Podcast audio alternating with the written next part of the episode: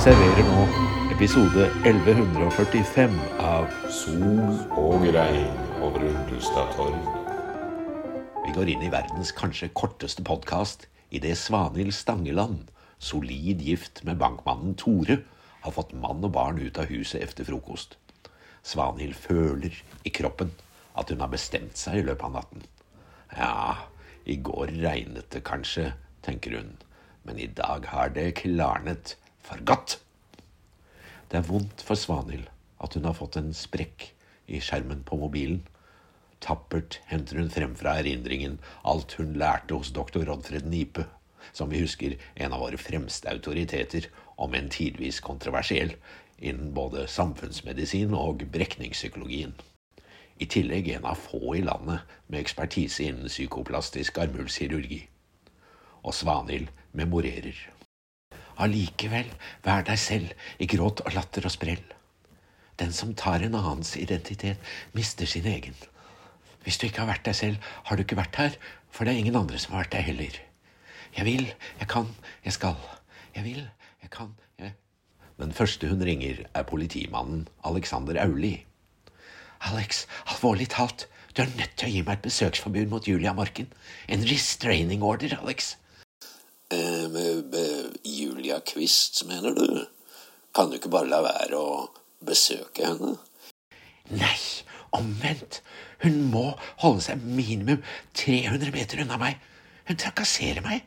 I går kveld sto hun her i regnet og ringte på. Her, Alex, hvor Tore og jeg har hjemmet vårt. Hvor barna våre leker. Hm, litt vrien den der, Svanhild. Alexander, da. Du er den eneste som kan hjelpe meg. Kanskje vi skal snakke om det hjemme hos deg en kveld? I ro og mak, du og jeg? Eh, um, oi da. Nå vet jeg aldeles brennsikkert hva jeg egentlig burde svare. Den neste Svanhild ringer, er Bella Brockhurst Haga. Bella har sin egen lille butikk, Snella til Bella, i Vestre Langgate, og er aldeles rå med tråd, som det står på skiltet. Ja, det håndarbeidet Bella ikke mestrer til fullkommenhet, det finnes ikke i Remmen kommune. Bella, du må hjelpe meg. Please, altså. Help, Bella. Hun forklarer at Mats og Mikkel har begynt i andre klasse i år, men nå har Julia sin Ole Anton begynt i første. Skal Mats og Mikkel virkelig oppleve det samme under karnevalet i kveld som år efter år i Snurromsbretten barnehage? At ekle lille Ole Anton Quist snapper førstepremien i karnevalet rett foran de uskyldige små nesene på dem? Ja, han er litt guffen, men jeg beklager, Svanhild. Skal jeg være ærlig, syns jeg det virker litt suspect. Jeg tror ikke jeg kan si ja. Nei, jeg får vel finne en annen løsning, da, sier Svanhild. Den løsningen hun nå tenker på, den har å gjøre med avstemningen efter karnevalet, når beste kostyme skal kåres, og de stemmesedlene man nødvendigvis må bruke til den slags. Stemmesedler som Svanhild vet nøyaktig hvordan ser ut.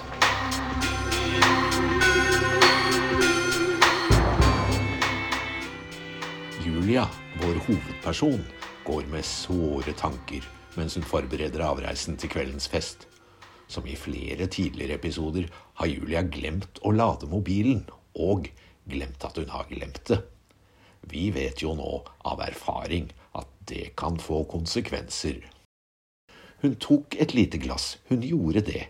Hun syntes ikke det var riktig, men det var Glenn Roberts beste kalva, og den var litt eh, oppmuntrende. Da Julias kjære lille sønn, Ole Anton, som sant å si er litt ekkel, ber om å få lov til å sminke seg selv denne gangen, da sier hun derfor ja. Han skal jo uansett være et monster. Han har akkurat lært seg ordet motbydelig, og det er nå Ole Antons ambisjon, naturligvis. I mellomtiden pakker Julia ned skinkeruller med rømme og grønnsaker, bruschetta, som hun nekter å kalle bruschetta selv om Glenn Robert gjør det, og det som er igjen av kakene hun bakte. Uten å ane hvor skjebnesvangert det vil bli, spanderer hun nå å finne frem det store, gamle sølvfatet familieklenodie. Det som sist ble tatt frem for mange år siden til den skjebnesvangre festen ved Buerholmen Fjordhotell. Så bestemmer hun seg for å ringe Svanhild. Hei, det er Julia igjen. Siden jeg ikke får tak i deg, regner jeg med at du ikke hører på meldingene dine, eller har mistet mobilen eller sperret den eller byttet mobil med noen med en feiltagelse. Det gjorde jeg en gang, nemlig, selv om vi oppdaget jo etter to minutter, eller, eller at du aldri vil snakke med meg mer. Men det er mange år siden nå, Svanhild, og vi har jo kjent hverandre hele livet. Og faren din som ligger i koma, og jeg aner ikke hvorfor du hater meg sånn.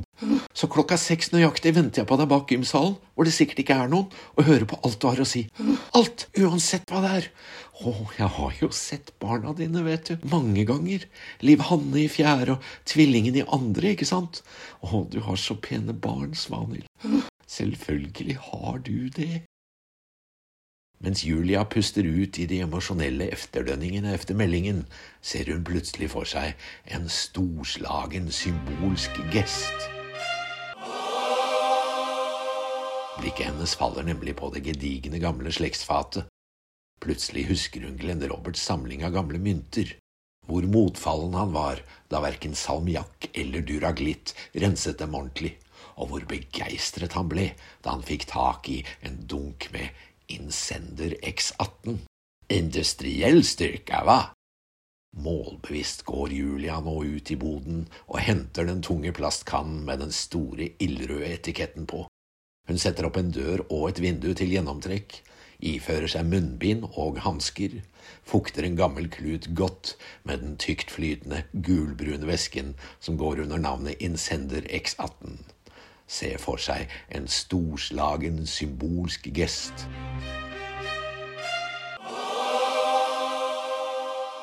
Og begynner å pusse. Snart løfter hun fatet og snur på det under lampen over oppvaskbenken, og da er det blitt så blankt at hun nesten blir blendet.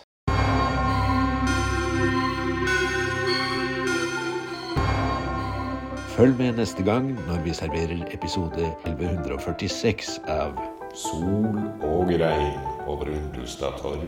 Et drama av Kolbein Plue, musikk Et oldebarn av Nordrock, produsent Mimmi Falsen.